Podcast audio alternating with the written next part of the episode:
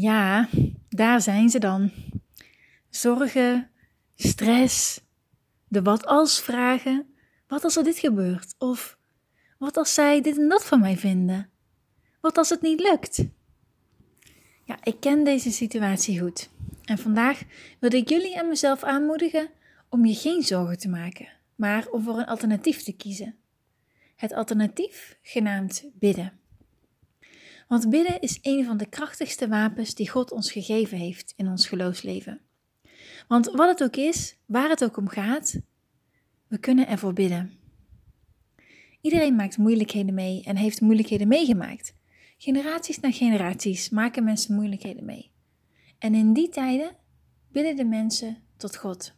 Mensen als Daniel, Esther, Jeremia, Jozua zijn allemaal mensen van gebed.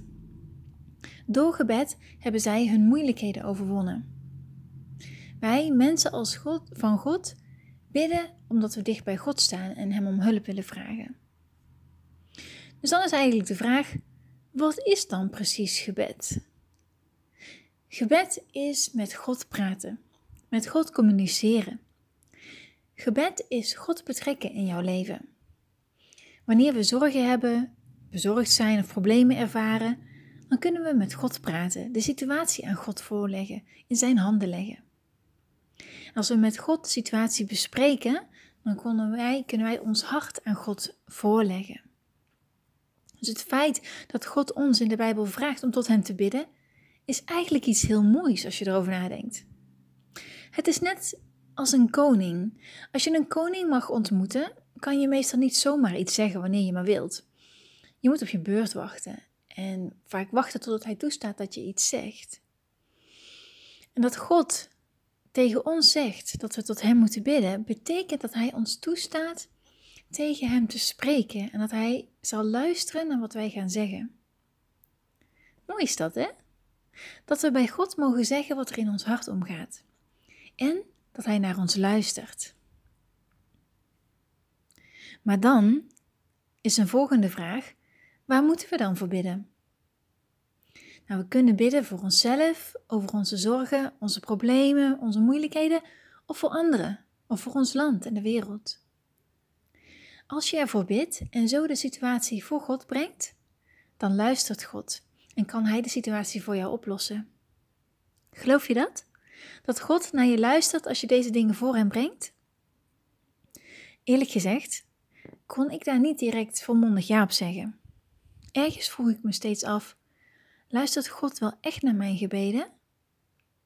Maar toen gebeurde er iets waardoor God mij liet realiseren dat Hij naar mijn gebeden luistert. Tijdens mijn vakantie in Zeeland gebeurde er iets waar ik niet tevreden over was. Ik vond het een onterechte situatie en ik bad tot God en legde uit waarom ik het zo oneerlijk vond. Nadat ik ervoor gebeden had, heb ik het verder laten rusten en heb ik van de vakantie genoten. En toen ongeveer een week geleden hoorde ik een bericht uh, dat over een besluit dat is genomen ten aanzien van die situatie waarvoor ik gebeden had. Een bericht dat aangaf dat de situatie spoedig opgelost zou worden. En toen ik dat bericht hoorde, voelde ik dat God tegen mij zei: Ik hoor jou. Ik luister naar jouw gebeden. En dat ontroerde me zo, dat vond ik echt heel mooi en motiveerde mij om meer te bidden. Daarnaast, waar ik aan herinnerd was, was een verhaal van Jozua. Jozua en de Israëlieten komen in dit geval in een groot gevecht terecht, waarbij ze sterk in de minderheid zijn in een land dat ze niet kennen. En ze dreigen de strijd te verliezen. In deze situatie bidt Jozua wanhopig, maar moedig tot God. Ik zal een stukje voorlezen uit Jozua hoofdstuk 10, vers 12 tot en met 14. Toen sprak Jozua tot de Heere op de dag dat de Heere de Amorieten aan de Israëlieten overgaf. En hij zei voor de ogen van Israël: Zon, sta stil in Gibeon, en maan in het dal van Ajalon. En de zon stond stil en de maan bleef staan, totdat het volk zich aan zijn vijanden had gewroken. Is het niet geschreven in het boek van de oprechten?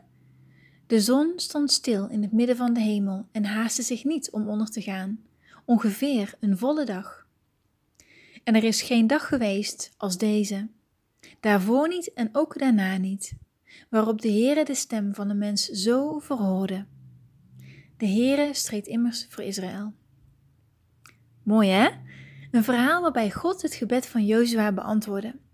Maar wat ik nog mooier vind, is de houding, de mentaliteit waarmee Jozua tot God bidt. Hij bidt in een situatie waarin hij wanhopig is. Maar zonder op te geven en zonder twijfel bidt hij tot God. Hij vraagt God om iets onmogelijks en bidt dit vol vertrouwen. Prachtig vind ik dat. Ik denk dat wij ook met deze mentaliteit tot God moeten bidden. Vol vertrouwen, wetende dat God God is en het onmogelijke mogelijk kan maken. En wetende dat Hij naar ons luistert. Dus waar ik je vandaag mee wil aanmoedigen, is maak je geen zorgen, maar kies voor een alternatief. Bid. Bid vol vertrouwen in God, wetende dat Hij naar je luistert.